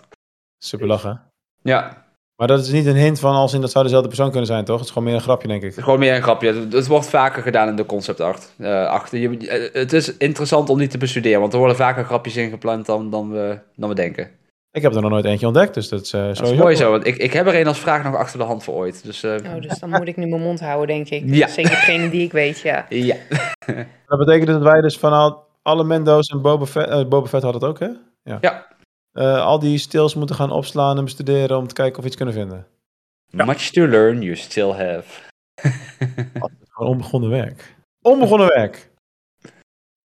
Al met al hebben we weer een hele mooie week gehad met twee uh, knijtergoeie afleveringen van onze favoriete shows. En uh, ja, nog maar een paar weken, dan zijn, is het wel ook allemaal weer voorbij ineens, hè? ja, ook, nog, nog, nog twee keer Bad Badge. ah, dan moeten we afkicken. Ja, maar gelukkig krijgen we bijna die, die uh, Young Jedi Adventures dan erachteraan in april weer. Dus, hè? Straks naar Celebration en komen we terug en is Mendo afgelopen. Zwart gat. Afgelopen en dan niks meer om uit te kijken. Nou ja, we krijgen Star Wars Visions natuurlijk uh, in mei. En wie weet wat er allemaal aangekondigd wordt. We weten dat Skeleton Crew dit jaar, dit jaar nog moet beginnen. Ahsoka komt dit jaar nog. Indiana Jones komt dit jaar nog voor de echte Lucasfilm uh, complete... Daar, daar heb je trouwens opvallend weinig over gezegd vandaag, Bas. Over alle Indiana Jones referenties die er in de Bad Batch waren dan. Ja, het was gewoon Indiana... Dat de, eerste, de eerste vijf minuten was gewoon één op één Indiana Jones. Maar ik dacht, ik heb dit al genoeg in mijn quizvraag naar jou net gegooid. Dus uh, ik hou dit keer mijn mond. Uh... Alright, nou, ik wil iedereen, iedereen weer hartelijk danken voor het uh, kijken of luisteren van deze aflevering van de Star Wars Podcast. We tellen af naar de, ja, de, de finales van twee series. Dat kan niet veel beter worden in, om, om nu Star Wars fan te zijn, zeg maar. We tellen af naar Celebration. Het komt allemaal zo dichtbij nu. De stilte voor de storm is nog heel even aan de gang. Dus ja, laten we binnenkort enorm losbarsten in een Star Wars feest. Voor nu wens ik jullie allemaal een mooie Star Wars rijke week. May the Force be with you en tot de volgende keer.